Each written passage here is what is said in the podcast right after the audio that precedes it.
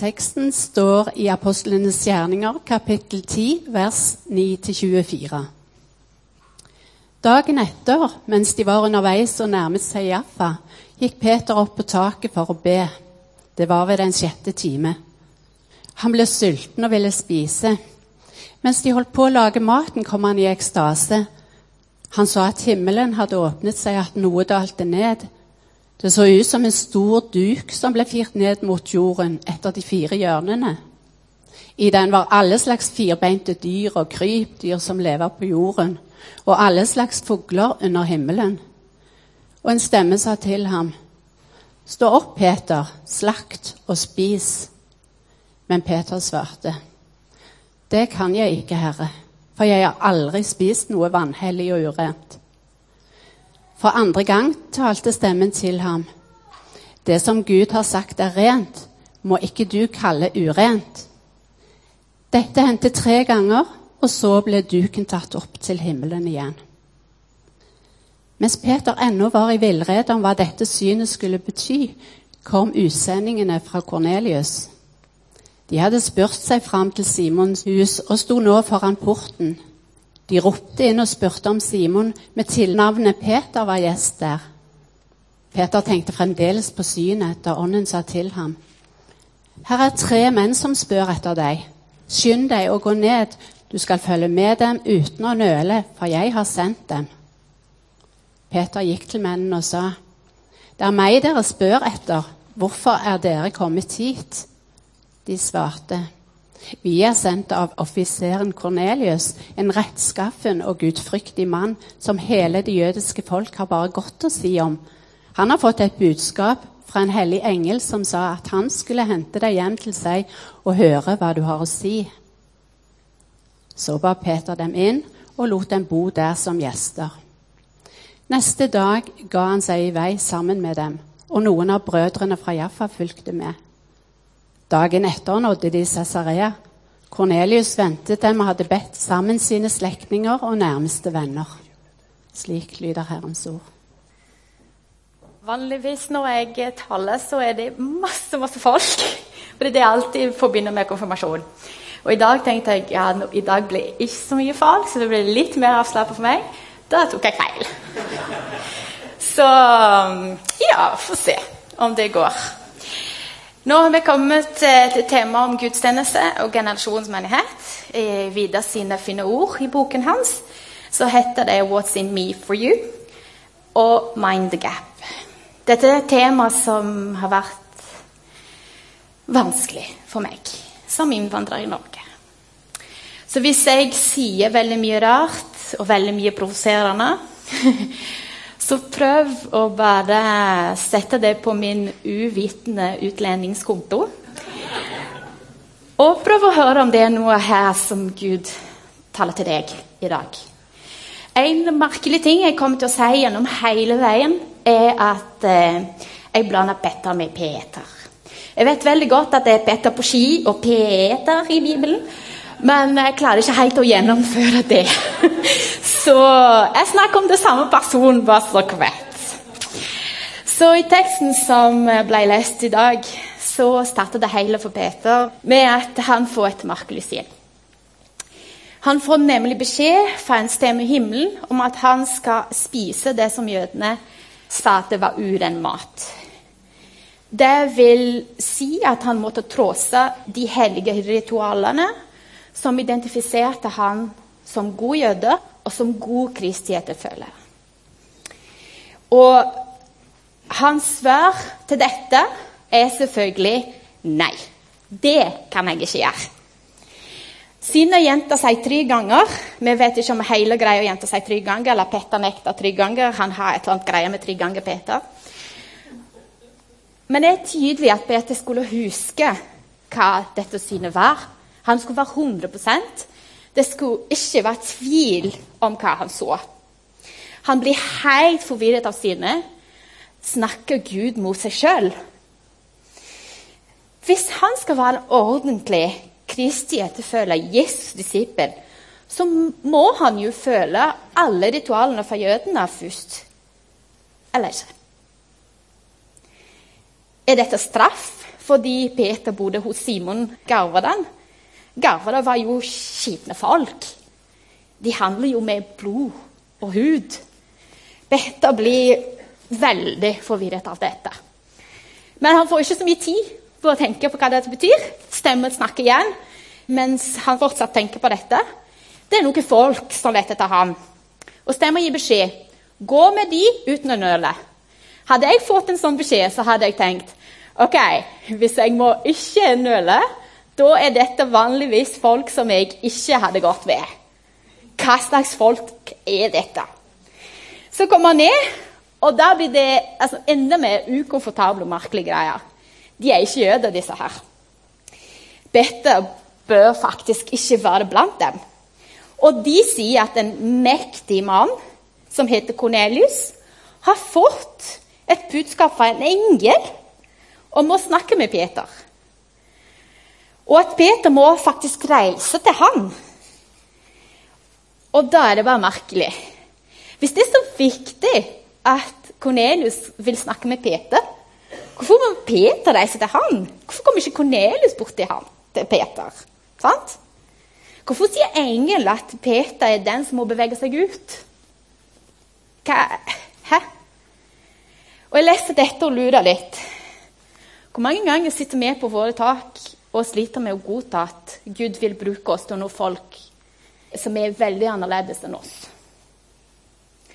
Hvor mange ganger syns vi at de eldre eller de yngre ikke vet helt hva de driver med i kirken? At deres trosuttrykk er for utdatert eller for ny, for fremmede for meg?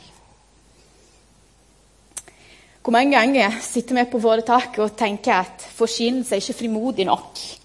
Treffer ikke nok. Gudstjeneste er ikke spennende nok. Og jeg sitter ofte på taket mitt og sliter med å forstå hva jeg ser. Måten folk forholder seg til gudstjeneste og tropraksis i Norge, har fått meg til å tenke som Peter. Hva i alle dager er dette, Gud? Jeg har blitt så provosert av og til at jeg har ikke tort å snakke. Og de gangene jeg har tort å snakke, så ble det bare provokasjoner. Og det ble ikke noe oppmuntring og oppbygning. Så jeg har valgt å gjemme meg i migrantmenigheter og internasjonale menigheter før. Ikke noe lenger. Og i dag så håper jeg at jeg kan fortelle mine fordommer på en omsorgsfull og respektfull måte. De som kjenner meg, vet at jeg er veldig stor fan av C.S. Lewis. Og han sier at uh, the perfect church service would be the one we are almost unaware of. Our attention would be totally focused on God. Altså Den beste gudstjeneste er den du nesten ikke legger merke til fordi du er fokusert på Gud og hva Han har å si til deg. Og min følelse er at det fins Og nå er jeg litt sånn redd for å si dette her. Men jeg, jeg føler at det, blir, det, det, er en sånn generell greie som går helt mot dette Sysliv sier. Jeg føler at man går til gudstjeneste for å få servert noe. Man snakker om de i menigheten, ikke oss i menigheten. Vi er jo i kirka for å få noe ut av det. Kirka skal kjenne våre åndelige behov, og vi evaluerer den og hjelper den til å bli bedre. Og det er alltid, alltid mye menigheten burde gjøre det annerledes. Og jeg føler at av og til terskelen er veldig høy for å se seg sjøl som en del av menigheten. Og jeg spør meg sjøl hvem er menigheten? Er det ikke meg? Hvis menigheten har problemer, hvis ditt og datt ikke fungerer, er ikke jeg en del av det? Og jeg har hørt at jeg reagerer sånn fordi jeg jobber i kirka. Men som sagt så har jeg ikke vært en del av menigheten i Norge bare når jeg har jobbet i kirka. Jeg reagerer sånn fordi jeg tror vi er en kropp. Og vi må oppføre oss som en kropp. Jeg sier ikke dette fordi det er feil å gi tilbakemelding og være uenig med ting som skjer i menigheten. Det jeg sier, er at vi må tørre å gjøre det som fellesskap, som kropp Hvis noe ikke fungerer, er det, er det noe jeg kan hjelpe med? Kjenner jeg noen som kan hjelpe? Er jeg raus med de som står på oppgaven og ikke får det til? Gir jeg dem oppmuntring, sånn at de ikke blir motløse og gir helt opp? Stiller jeg opp for dem som søstre og brødre? Gjør jeg det? Jeg vet veldig godt at bildet er mer nyansert enn dette. Og Gud har heldigvis vist meg en god del om hva jeg ser betyr. Men jeg må innrømme at jeg fortsatt i villrede. At jeg har ikke fått hele bildet på plass ennå. Peter han kommer til Kornelius og ser at Kornelius har samla mange for å høre på hva Peter har å si. Og Da er det noe som faller på plass hos Peter.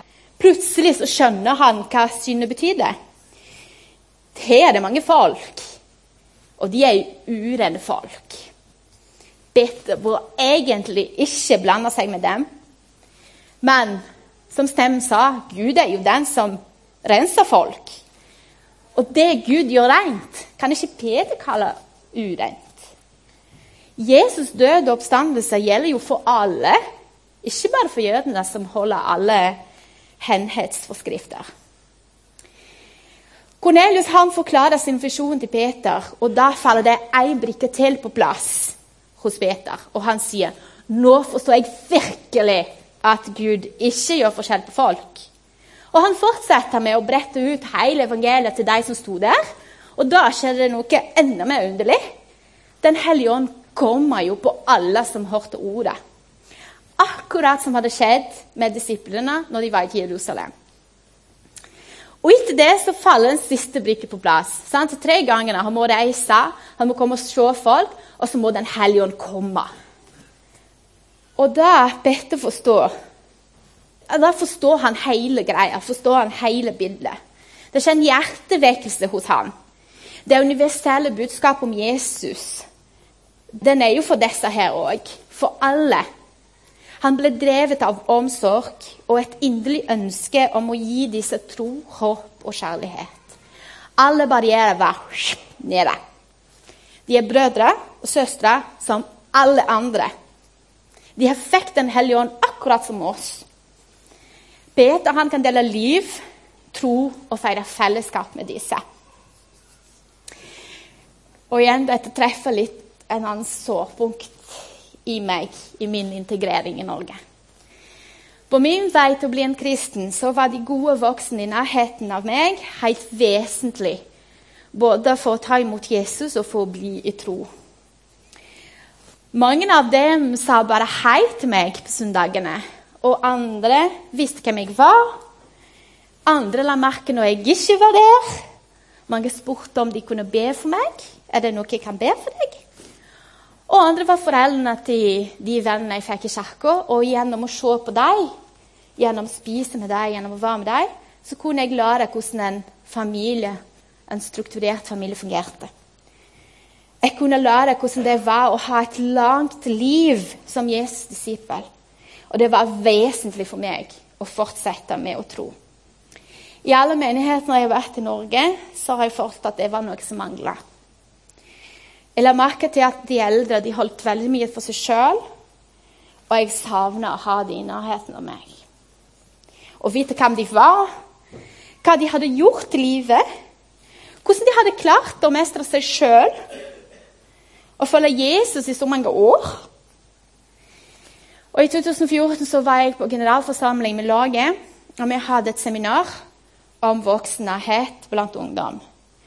På det seminaret fikk jeg eh, en slags åpenbaring. Jeg møtte en som heter Torbjørg Olina Nili, som skrev en masteroppgave om åndelige foreldre. Konseptet åndelige foreldre får forskjellige reaksjoner. Men for meg betydde dette akkurat det jeg lette etter til kristenfellesskap. At de eldre skulle gi videre det de hadde fått av Gud. At de som Peter skulle bevege seg ut av husene sine, av komfortsonen sin, til folk de ikke skjønner så godt, men som tørster etter Guds ord. Masten oppgaven hennes ble til bok. Det er den her. Og den anbefaler jeg på det sterkeste. Jeg kan låne den hvis dere vil. Og mye av det Torbjørg og Line sier i boken, har jeg opplevd veldig nær. Jeg lengta etter folk som hadde kommet lenger enn meg i livet og i tro, og jeg oppsøkte de stadig vekk. De fleste var veldig glad i å snakke med meg, men de var også veldig opptatt av at jeg skulle slipe og henge med de gamle. Jeg kunne henge med de unge og kule, liksom. Og i mange brylluper så hørte jeg at foreldrene og tantene startet talene med å si 'Vi vil ikke gi råd'. Da ble jeg helt fortvila. Her var jeg nygift med millioner spørsmål i mitt hode. Og det satt de gift i 20-30 år og ikke skulle gi råd. Jeg var sånn, jeg gledet meg til bryllupet, så kom de gamle gifte til å gi råd. Men det, det gjorde de ikke. Og alle små gruppene vi var, var jo med folk i samme livsfase. Jeg hadde ingen i smågruppene som hadde kommet langt nok i livet til å si at du, dette går bra. Dette er bare en fase. Vi vet i hodet at det er en fase, men ikke her. Og hvis det er noe som har gått gjennom det, sier du, dette går over. Det er så digg. Det, det hørte vi ikke. Vi satt jo i møtene våre og klagde. Og det var ingen trøst. Heldigvis så jobber jeg i kirken nå og må omgås med ledere og frivillige som er eldre enn meg. For eksempel, vi er heldige som har to fantastiske pensjonister på kontoret vårt. Per og Kjell Martin. Og jeg, har, jeg har det veldig gøy med de. Og jeg får med meg mange perler fra deres liv til meg. Og her er én. Jeg har mange, men jeg forteller én. Filteret mellom hodet mitt og munnen den har ikke fungert veldig bra alltid. Jeg sier det jeg tenker, og det er dumt av og til. Men på norsk så måtte jeg tenke først, og så snakke etterpå. Så det meste var veldig godt filtrert. Men etter hvert som språket begynner å komme mer naturlig, så begynte filteret å strekke. Og da begynner jeg å si ting uten å tenke. Og så var det en dag som kom på kontor kjempestressa fordi jeg hadde sagt noe dumt, eller noe jeg tenker var dumt, i et møte. Og Kjell Martin han hører på meg, gir rom til alt mitt stress. Og så begynner vi å le litt, og så etterpå sier han men vi må tenke, vi må huske å gjøre sånn som Paulus sier. Vi må ta tankene våre til fange. Og vi må fortelle hodet vårt hva tankene vi skal ha. Og nå må du bare tenke at du har ikke ment noe vondt, og så slapper du av etterpå. Og jeg satt der med min kopp kaffe i hånda og tenkte det er jo bare noen som har levd mer som har brukt et liv på å mestre seg sjøl og troen sin, som kan si noe sånt. Det hadde ikke jeg sagt til mine konfirmanter eller mine ungdommer. for å si det sånn. Og det er det de yngre trenger. De trenger ikke noe som er kul eller velskolert. De trenger noe som har tid. Tid til å ringe rundt dem. Tid til å lytte. Til å stille gode spørsmål. Til å la de resonnere litt sjøl. Og så kommer med erfaringer og råd. De trenger det som er ekte. Noen som har testet troen sin mot livet. En som drar dem mot Gud. Absolutt ikke en som mestrer alt. Men en som vet hva troskrise, livskrise og daler er. Noen som kjenner sin Gud. Jeg er vel kjent med at mange føler at de har gjort nok. De har gitt alt de kunne, både til barna sine og til kirka. Og nå er det de yngre sin tur. De eldre må få lov til å tilbringe så mye tid de kan på hytta i Syden, og det er mange drømmer som lå på vent, og som nå må komme til virkeligheten. Jeg forstår det veldig godt, og gitt at jeg fikk barn sjøl, så forstår jeg enda bedre at den etterlengta friheten må nytes maksimalt. Men samtidig så klarer jeg ikke å tenke at det, at det er litt trist. At så mye kompetanse bare forsvinner ut. At søndagsskolen må drives av slitne småbarnsforeldre, mens andre sitter med så mange års kompetanse og kunne ha gitt alt til den ene timen. At min datter hun går glipp av å lære om Jesus av de som har levd lenge i dette. At jeg går glipp av å snakke med de som har oppdratt sine barn til Jesus. At jeg ikke får høre hva de har gjort. De yngre de kan virke litt sjølsikre og kule, og at de kan alt. De mestrer alt. Men under det glansbildet på sosiale medier så ligger det mange spørsmål. Og en utrolig usikkerhet i forhold til livet.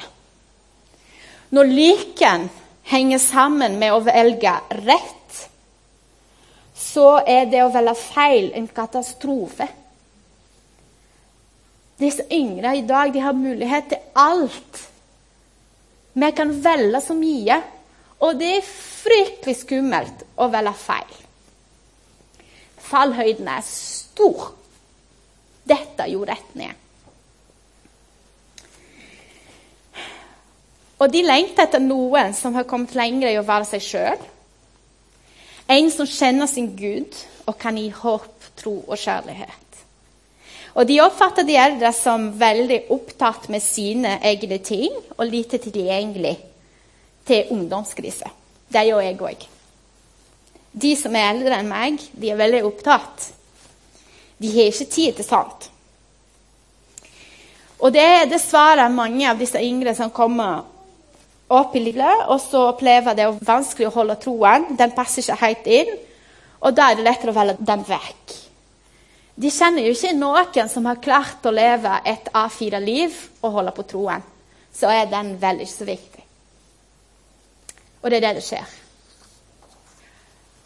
Jeg sier ikke at alle skal være med på søndagsskole eller konfirmantarbeid. Det er ikke det jeg sier. Men jeg tror alle kan finne noen som er yngre enn seg sjøl, å gå sammen med. Vi kan alle gjøre en innsats for å være der den andre er. Jeg har gjort det en del ganger, og folk syns det er rart. Spiser du lunsj med henne? Liksom, hun kunne bli modig. Bare, eh, ja, er, hvorfor er det så rart? Gud kunne ha brukt engel til å preike til Kornelius. Han trengte ikke Peter. Men Gud gjorde det ikke. Han ville bruke Peter i stedet for. Det var den kristne fellesskapsoppgaven å oppdra disse folket til Jesus. Det er vår oppgave å oppdra barn og unge til Jesus. Det er vår oppgave ikke samfunnsoppgave. Og ikke hver forelder får seg, men alle får alle, som en kropp. For at de skal få den samme ånden som vi fikk, så må vi faktisk bevege oss ut. Reise til dem, forsyne til dem og erfare hva Gud gjør for dem. Og jeg håper, som i Malaki 4,6, at Gud skal vende fedrenes hjerte til barnet og barnas hjerte til fedrene.